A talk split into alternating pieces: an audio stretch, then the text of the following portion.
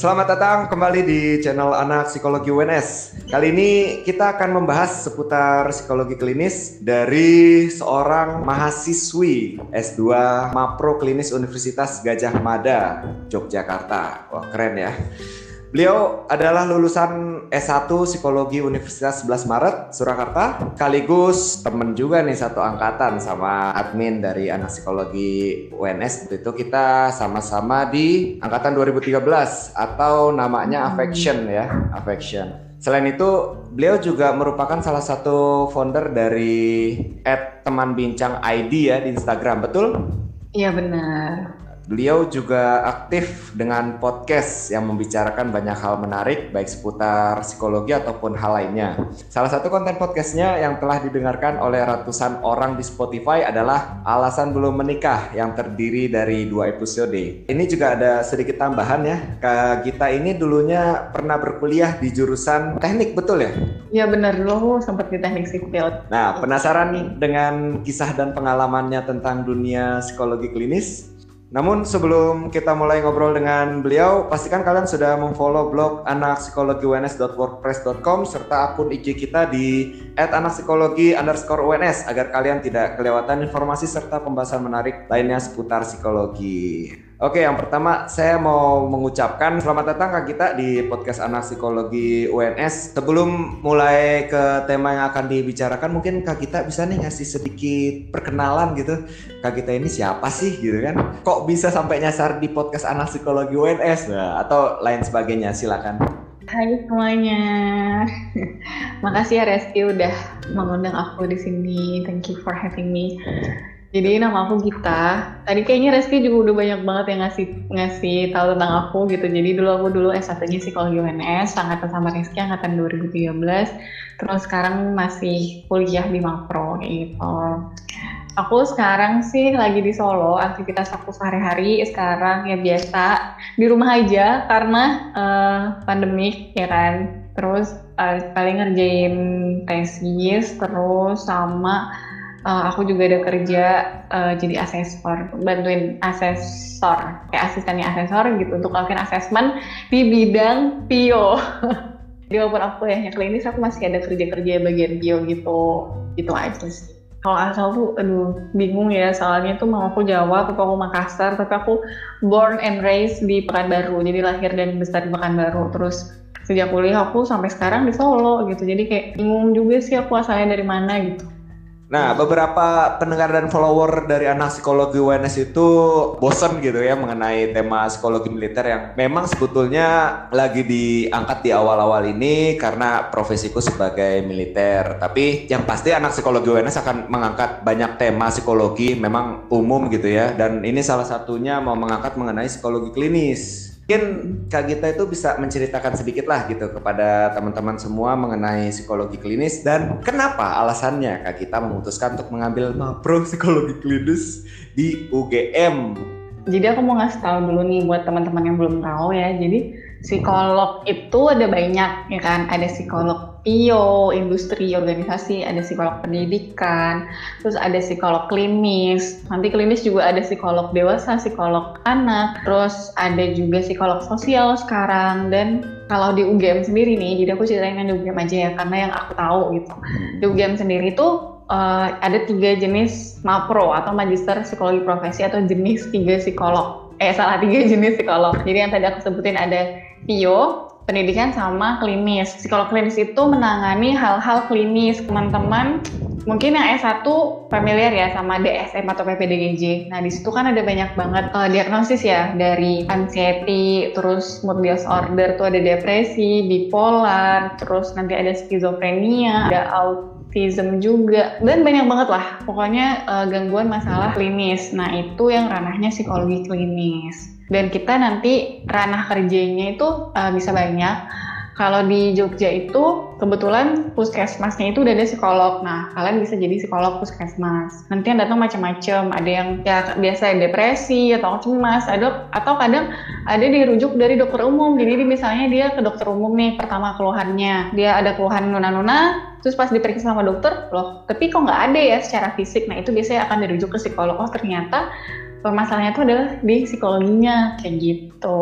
Terus bisa juga kerja di rumah sakit, ada psikolog rumah sakit juga kan. Terus bisa juga kerja di biro sendiri atau buka biro atau biro orang lain. Terus bisa uh, melakukan konseling-konseling klinis, melakukan psikoterapi gitu. Jadi misalnya aku contohnya depresi aja, depresi. Terus misalnya akibatnya itu manifestasinya itu bisa kepercayaan dirinya jadi rendah uh, dan lain-lain. Nah itu nanti bisa di terapi psikologi. Yang melakukan adalah psikolog klinis itu pandangan garis besar tentang psikologi klinis. Ternyata psikologi klinis itu sangat luas ya, khususnya ketika teman-teman berkarir di psikologi klinis, kesempatan untuk kerjanya luas gitu ya di Indonesia ya, nggak nggak hanya di rumah sakit jiwa, betul ya? Oh ya di rumah sakit jiwa juga ada, iya jadi banyak banget sih sebenarnya tuh. Pun sekarang kerjaan aku adalah juga ngisi-ngisi seminar gitu, jadi iya kan kayak misalnya ada webinar, ada kulwap, nah kan biasanya yang temanya psikologi yang ngisi juga psikolog. Nah itu juga salah satu pekerjaan yang aku tuh nggak pernah nyangka dulunya. Aku kan mikirnya ya paling ya konseling, ngelakuin psikoterapi gitu-gitu. Terus paling juga misalnya kita bikin eh apa tuh jadi penulis di majalah-majalah gitu loh kan biasanya ada yang konsul-konsul gitu terus nanti kita bikin artikel kayak gitu-gitu kan. Kita juga bisa tes bakat, tes ya tes biasa tes psikologi. Eh, psikolog tuh banyak ya Kia eh maksudnya yang tadi aku jelasin psikolog tuh banyak. Tapi kan orang umum nggak tahu. Orang umum tuh taunya psikolog ya udah psikolog aja. Nah takutnya dia misalnya gini dia uh, ada gejala klinis nih kamu psikologi klinis. Tapi dia punya teman psikolog pio nah dia nggak paham kan si ini nih kalau temennya itu psikolog pio dia, dia udah ya udah dia main-main ini aja main curhat aja. Hmm. terus mungkin tanggapannya nggak sesuai sama yang dia harapkan. Akhirnya dia menyalahkan temennya. Padahal dia yang nggak tahu kalau psikolog tuh ada jenisnya tuh ada banyak berkaitan dengan gangguan ini kan pasti uh, orang-orang psikolog klinis uh, selain memahami mengenai gangguan jiwa ya. Nah, hmm. ini pernah nggak Kak Gita tuh menangani kasus yang ekstrim, mungkin contohnya bunuh diri atau lain sebagainya? Kalau ekstrim, kalau yang self harm kayak gitu-gitu ada ya, hmm. masih ada sih.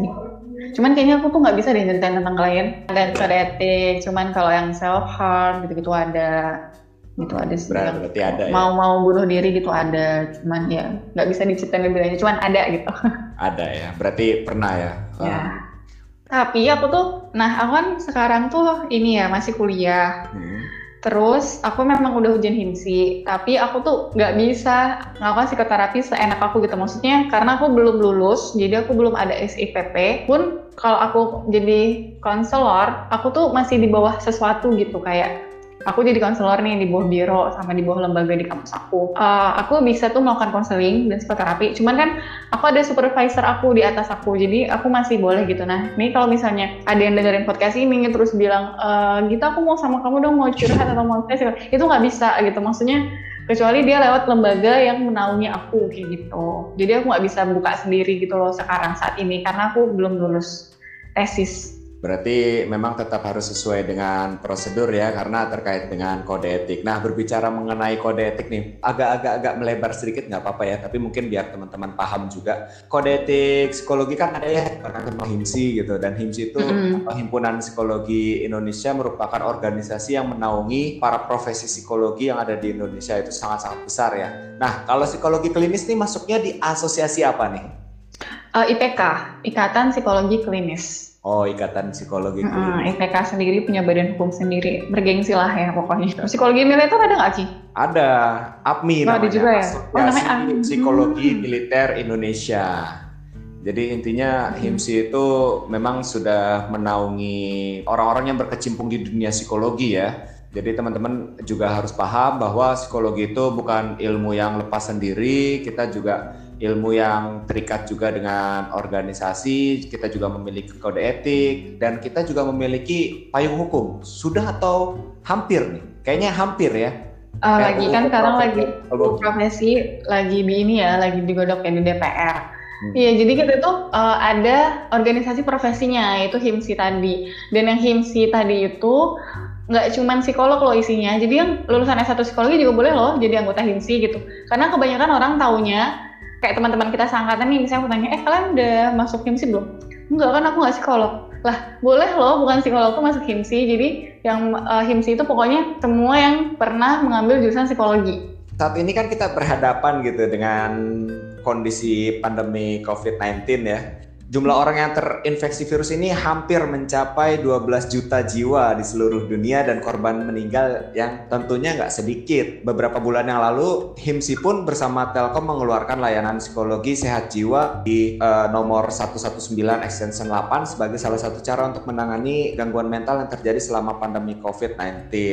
Nah, bagaimana nih pandemi ini dari sudut pandang Kak Gita selaku khususnya ya menekuni psikologi klinis dan apa yang harus dilakukan agar teman-teman di luar sana walaupun kita sudah masuk new normal gitu kan untuk tetap sehat secara mental di tengah pandemi seperti ini.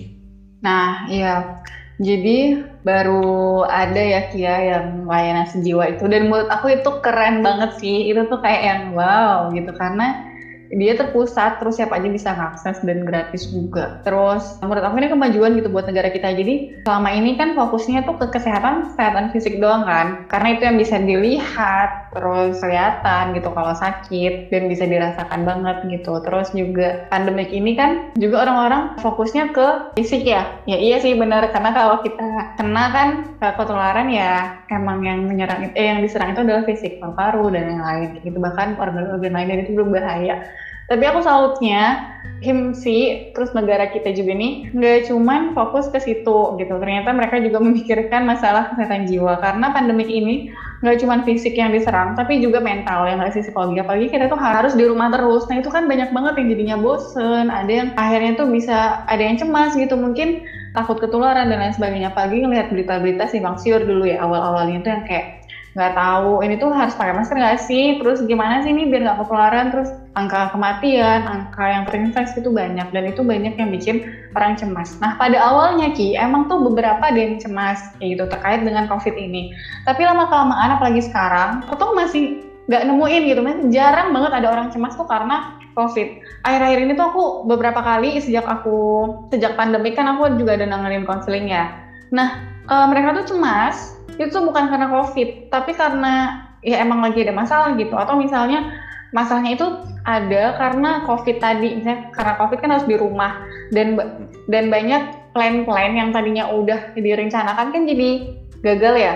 Nah orang-orang tuh lebih selama ini ya klien akuntan itu lebih masalahnya tuh di situ gitu problemnya di situ. Karena plan yang udah direncanakan nggak bisa dikerjakan kayak gitu. Jadi lebih yang kebingungnya tuh di situ gitu. Jadi bukan yang kayak covidnya Dampak di balik COVID yang terjadi ya, mengganggu aktivitas mereka, yang mengganggu mungkin juga keuangan mereka. Iya benar banget. Kamu sendiri ngerasain nggak sih yang kayak aku sendiri tuh ngerasain yang awal-awalnya tuh aku kayak ya Allah harus di rumah. Main aku tuh orangnya extrovert ya. Kayak aku tuh akan mendapatkan energi ketika di tempat orang banyak gitu. Kayak misalnya aku ngerjain tugas aku ke Dunkin.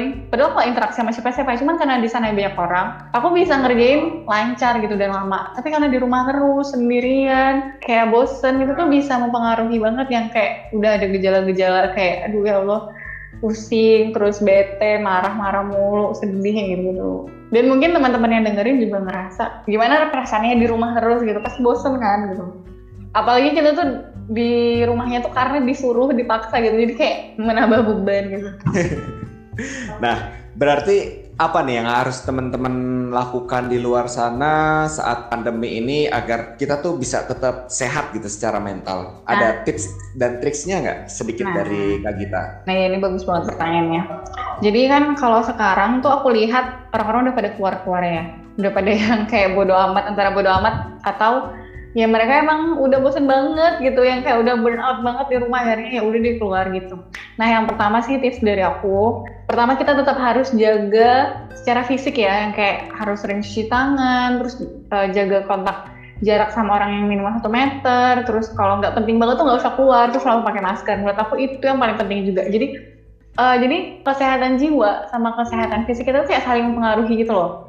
Jadi kalau misalnya kita stres, mungkin imun kita bisa lebih mudah terserang.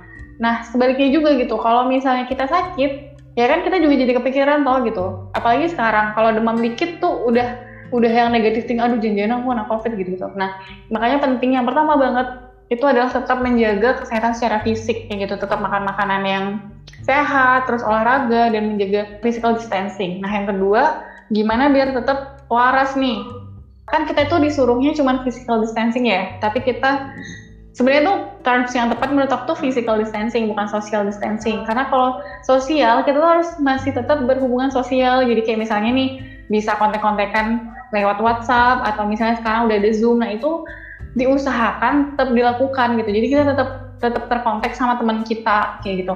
Kalau misalnya kamu memang butuh ketemu orang tiap hari, ya udah video call tiap hari deh sama teman kayak gitu. Mungkin itu yang membuat dia tetap waras kan, itu yang harus diingat. Jadi physical distancing tetap, tapi tetap menjalin kontak sama teman-teman kayak gitu. Terus kalau misalnya nih, sekarang tuh juga pada stres karena di rumah aja ngerasa nggak berharga gitu, ngerasa kayak dua aku nggak produktif nih kayak gitu. Nah, sebenarnya kan kita harus tahu dulu nih sebenarnya produktif itu yang kayak gimana sih gitu. Karena banyak yang ngerasa produktif itu adalah pokoknya tuh harus ngerjain sesuatu dari pagi sampai malam kayak gitu. Yang berfaedah deh gitu. Padahal tuh produktif itu kan ketika energi yang kita keluarkan itu tuh lebih sedikit daripada output yang kita dapat gitu kan. Misalnya nih, kamu kerja dua jam gitu, kamu tuh udah ngerjain tesis dari awal sampai akhir dua jam gitu misalnya. Ya nggak apa-apa, terus sisanya kamu nonton film. Uh, itu kan menurut aku masih tetap produktif sih, karena dia dua jam aja tuh udah maksimalin banget gitu. Targetnya tuh udah kecapai. Terus sisanya dia minta ya it's okay kayak gitu. Jadi nggak usah terlalu merisaukan atau mengkhawatirkan aduh aku tuh produktif enggak ya gitu. It's okay kalau kalian tuh cuma istirahat doang sehari tuh nggak apa-apa kayak gitu. Yang penting selama as long as kalian bahagia kalian moodnya tetap tetap terjaga ya nggak apa-apa kayak gitu. Jadi yang penting jangan stres tuh nah biasanya kan stres itu ya karena tadi kan kayak lingkaran setan tadi aduh aku ngerasa nggak produktif nih akhirnya ngerasa rendah diri, ngerasa stres dan lain-lain. Yang kayak tadi aku bilang, uh, sebenarnya tuh juga banyak tau sih misalnya di di kamu baca nggak sih di Twitter tuh kayak ngerasa ngerasa useless banget karena ngerasa nggak produktif karena rebahan doang kayak gitu. Padahal tuh mungkin aja loh dia tuh selama dua jam tuh ngerjain sesuatu, tapi memang sisinya rebahan. Terus dia ngerasa itu nggak produktif. Padahal menurut aku itu ya produktif aja kayak gitu. So produktif itu kan nggak harus yang seharian kamu bekerja, justru itu nggak efektif kalau menurutku. Kalau kamu udah ngabisin banyak waktu tapi kerjaanmu nggak selesai gitu, justru kan itu namanya nggak efektif. Jadi yang namanya produktif itu bukan tentang bagaimana kalian menghabiskan waktu seharian penuh, namun bagaimana kalian bisa memaksimalkan waktu itu untuk kerjaan kalian, untuk kuliah kalian, untuk termasuk untuk diri kalian sendiri. Kalian itu berhak untuk me time ya istilahnya ya, untuk iya, menikmati waktu dengan diri kalian sendiri atau mungkin dengan orang yang kalian sayangi atau mungkin kalau kalian punya hewan peliharaan ya monggo gitu kan sambil main-main sama hewan peliharaan namun tetap pekerjaan kita, kuliah kita dan lain sebagainya itu tetap terlaksana gitu ya selama berada di pandemi seperti ini. Nah, pertanyaan selanjutnya nih Kak, mewakili para mahasiswa psikologi S1 di luar sana mungkin ya yang berminat banget sama psikologi klinis. Apa sih yang harus mereka siapkan atau yang harus teman-teman siapkan gitu ya selama kuliah S1 untuk nantinya dapat mengambil kuliah Mapro S2 di bidang psikologi klinis? Hmm, oke. Okay. Nah, sebenarnya sih kalau ketika kan kemarin waktu aku masuk Mapro itu kan ada tesnya ya, Ki. Hmm. Uh, ada tesnya sendiri. Dan aku tuh belajar lagi sebenarnya. Karena aku nggak pinter-pinter banget dan aku juga lupa kan. Jadi aku emang belajar ulang apa yang aku pelajari di S1.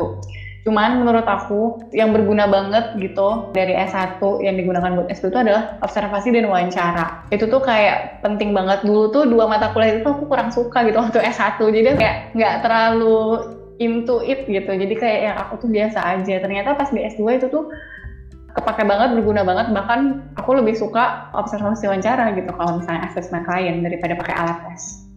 Itu berguna banget tuh. Itu kan berguna ketika prakteknya ya ya alat tes juga penting sih. Tapi ketika masuk ya kamu emang harus pelajari semuanya sih. Karena kan yang di tes masuk itu kan teori terus nanti ada LGD juga terus ada wawancara juga. Jadi emang harus pelajarin semuanya. Kalau misalnya kamu masuk klinis kalau aku sih dulu dari S1 aku selalu ngambil mata kuliah pilihan itu selalu klinis gitu. Jadi kayak udah searah gitu loh aku dari dulu sampai saat ini. Karena kan tiap orang tuh punya preferensinya masing-masing ya punya nih minatnya di mana. Nah aku klinis jadi dari dulu aku ambilnya klinis. Aku tertarik aja gitu sama gangguan jiwa gitu jadi makanya aku pengen. Dan dulu tuh aku punya satu dosen yang beliau itu adalah psikolog klinis psikolog anak. Siapa nih? Eh boleh di boleh dikasih tahu ya Boleh lah kan ini Oh, chat iya. Aku- Kita harus mempromosikan dosen-dosen kita. banyak sih sebenarnya semua dosen tuh eh, pasti aku kagumi ya maksudnya kayak saya Pak Nu, Pak Adit, Pak Hakim, terus Bu Dika, pokoknya dosen-dosen tuh walaupun nggak klinis aku tetap kagum gitu. Cuman yang aku waktu tuh jadi aku pengen kayak beliau itu tuh adalah Bu Suci, ingat nggak? Oh, Bu Suci ya, Bu Suci. Iya, aku tuh pengen Iya, banget iya, nih. iya, Aku tuh iya. ngeliat Bu Suci tuh kayak, ya ampun Bu Suci keren banget sih, aku pengen kayak Bu Suci gitu. Beliau kan psikolog di rumah sakit ya, Hmm, kalau betul. klinis, nah aku aku pengen gitu. Jadi makanya aku ngambil klinis juga deh sampai sekarang. Karena tuh persiapan persiapan buat masuk sama persiapan buat kuliahnya tuh beda gitu loh Ki, paham nggak? Waktu kamu masuk ya kamu harus mempersiapkan semuanya gitu karena kan tesnya banyak gitu, tesnya kan banyak. Nah kamu kan harus mempersiapkan tes itu, itu ya pelajarin semuanya. Cuman kalau pas kuliahnya ya itu tadi yang kepakai banget tuh menurut aku adalah observasi dan wawancara sama sering-sering baca jurnal. Baca jurnal terus di review jurnal. Ternyata baca jurnal tuh mengasihkan tau kalau kamu suka sama temanya. Ternyata tuh kayak baca jurnal tuh kayak surga gitu loh menurutku.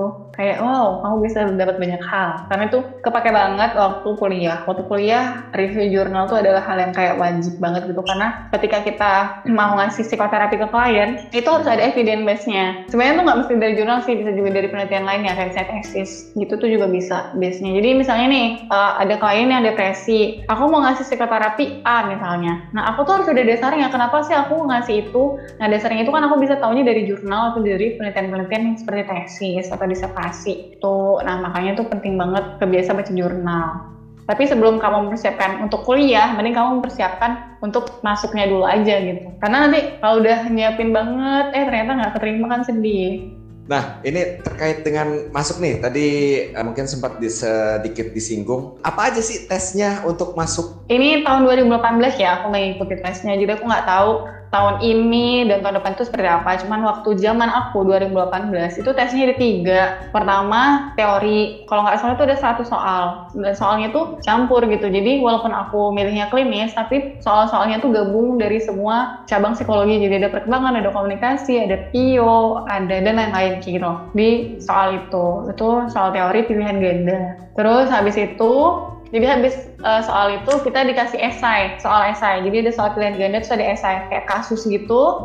Terus nanti yang uh, ditanya tentang diagnosisnya tentang kasus itu deh biasa. Biasa kayak blank case gitu pernah baca kan ya. Itu kayaknya ada di buka normal nih, kolegium normal. Yang blank case macam itu. Terus habis itu udah selesai tuh ujian tulis, lanjut tahap kedua itu adalah LGD atau leaderless group discussion. Jadi kalian nanti uh, seingat aku kemarin aku tuh berlima sama aku. Nah, di situ kita dikasih kasus lagi, terus kita disuruh diskusiin gitu. Jadi kita diskusi gitu. Jadi terus nanti ada yang penilainya itu ada dua orang, dua orang dosen ngeliatin kita kayak gitu sambil nilai. Kalau ini pas LGB kasusnya lebih spesifik karena aku ngambilnya klinis, maka dikasihnya kasus klinis. Tuh, terus kita diskusiin deh. Nah setelah itu udah selesai uh, LGB, tahap ketiga yaitu wawancara. Kita nanti diwawancara sama dosen yang tadi menilai kita saat LGB udah tiga tahap itu terlalui, ya udah nanti akan kita tinggal nunggu pengumuman kita akan terima apa enggak. Itu tadi ya teman-teman ya beberapa tips dan gambaran mungkin bagi kalian di luar sana yang mau lanjut S2 psikologi klinis itu kurang lebih tahapan-tahapan tesnya seperti itu dan gambaran-gambarannya sudah diceritakan juga oleh Kak Gita. Nah, ini kita eh, beralih pertanyaan yang mungkin agak pribadi. Nah, yang pertama ini, Kak Gita ini kan salah satu founder dari @temanbincang_id ya Iya. di Instagram gitu. Ada itu Instagramnya teman-teman bisa follow juga @temanbincang.id. Nah, mungkin bisa diceritakan juga nih tentang teman bincang ID itu itu apa sih dan untuk apa tujuannya? Teman bincang.id itu, jadi di teman bincang itu ada aku bertiga gitu. Eh, ada Ica, Ica itu juga teman kita, Reski kenal banget sama Ica. Terus ada satu lagi Imin, Imin itu adalah teman aku di S2, jadi kita bertiga ngejalanin teman bincang. Nah, teman bincang itu platform psikologi. Jadi tujuannya awalnya kita tuh mau nge-share gitu tentang tentang psikologi gitu, psikologi-psikologi hmm, populer. Jadi kayak misalnya contohnya kayak tentang relationship, toxic relationship, terus ada juga toxic family pernah juga, terus tentang cinta-cinta juga pernah dan lain sebagainya. Pokoknya banyak deh yang kita bahas tuh tentang tentang dari sisi psikologinya. Nah tujuannya itu sebenarnya sederhana ya. biar bisa bermanfaat aja gitu buat orang. Terus nanti ke depannya sih kita pengennya itu bakalan ada konseling gratis. Tapi menunggu aku mendapatkan SIPP atau surat izin praktek psikologi. Tuh teman-teman, jadi sebelum Kak Gita lulus, kalian wajib banget ini follow yang namanya temanbincang.id. Nah, lanjut lagi nih ke podcast ya. Kita tadi membicarakan podcast di awal namun sempat terhenti nih terkait podcastnya Kak Gita sendiri itu itu membahas apa aja sih dan kalau pendengar nih mau mendengarkan podcast Kak Gita itu bisa diakses di mana aja? Nah podcastnya ini juga podcast kan ya Cia?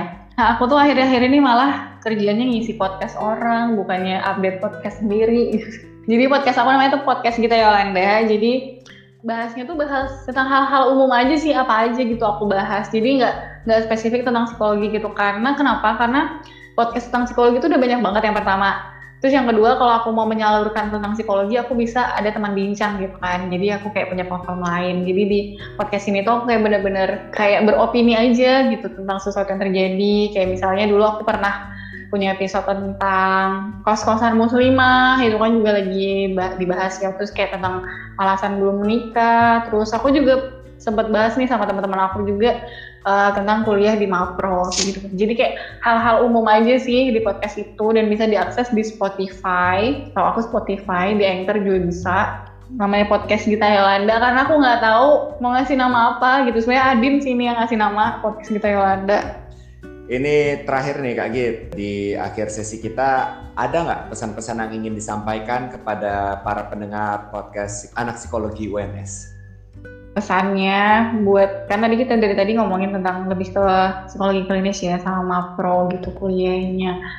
Buat adik-adik, adik-adik. Aku tuh ngebayanginnya yang dengerin ini tuh adalah anak-anak, bener-bener anak-anak psikologi UNS tau nggak Ki? Jadi bener-bener yang oh. bener-bener yang masih jadi anak-anak psikologi jadi bukan kita kita yang udah alumni gitu loh. Jadi hmm.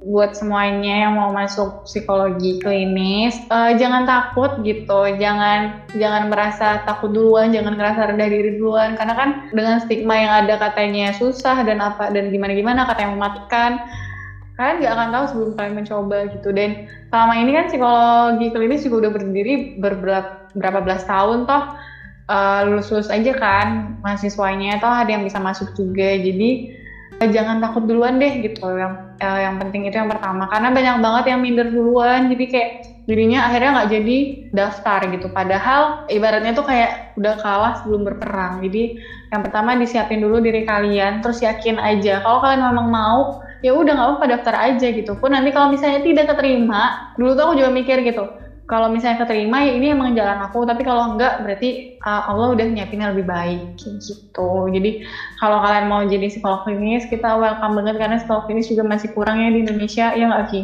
Jadi kalau kalian mau jadi itu kayak kita alhamdulillah banget. Terus jadi makin banyak rekan sejawatnya makin bisa bermanfaat buat orang banyak kayak gitu jadi intinya jangan takut pede dulu aja terus siapin diri kalian. Buat adik-adik S1 yang sekarang lagi dengerin, S1, khususnya S1 psikologi, psikologi gitu ya.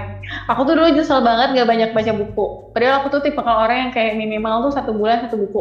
Bukan buku akademik ya, bukan buku psikologi umum, bukan buku apa. Tapi buku di luar itu gitu. Aku tuh ngerasa kurang banget. Nah, kalau kalian nih masih kuliah, banyak-banyakin baca buku, banyak-banyakin baca jurnal karena itu kayak membuat wawasan kalian jadi lebih makin makin bagus lagi kayak gitu. Teman-teman, sekian bincang tokoh psikologi klinis pada kali ini. Semoga dapat memberikan inspirasi dan motivasi bagi para pendengar podcast Anak Psikologi UNS. Khususnya nih ya bagi kalian para mahasiswa psikologi S1 yang saat ini masih berkuliah. Dari saya, galilah ilmu sebanyak-banyaknya karena dunia psikologi itu sekali lagi saya menekankan itu sangat luas seperti yang tadi dibahas sebelumnya, kalian dapat berkarya di mana pun kalian berada. Saya itu mengibaratkan ilmu psikologi itu ibarat mata angin ya. Jadi ke mana pun kalian pergi, ke mana pun kalian tuju, kalian itu pasti bakalan menemukan ilmu psikologi di sana. Baik itu teorinya, baik praktiknya, dan lain sebagainya. Dan kalian bisa untuk berkarya di mana pun kalian berada. Sampai jumpa lagi di podcast-podcast anak psikologi UNES selanjutnya yang tentunya dengan topik dan tokoh yang tidak kalah menarik. Jangan lupa untuk follow blog dan akun IG anak psikologi UNS agar tidak ketinggalan topik dan pembahasan menarik lainnya. Serta jangan lupa juga follow at Gita Yolanda betul ya di Instagram. Oh iya, Gita Yolanda Jafar. Gita Yolanda Jafar, mungkin kalau yang mau kepoin Kak Gita atau mau nanya-nanya seputar psikologi klinis bisa langsung banget DM ke IG-nya orangnya sangat-sangat open dan juga jangan lupa follow akun @temanbincang.id. Sekian dari kami anak psikologi UNS pamit undur diri.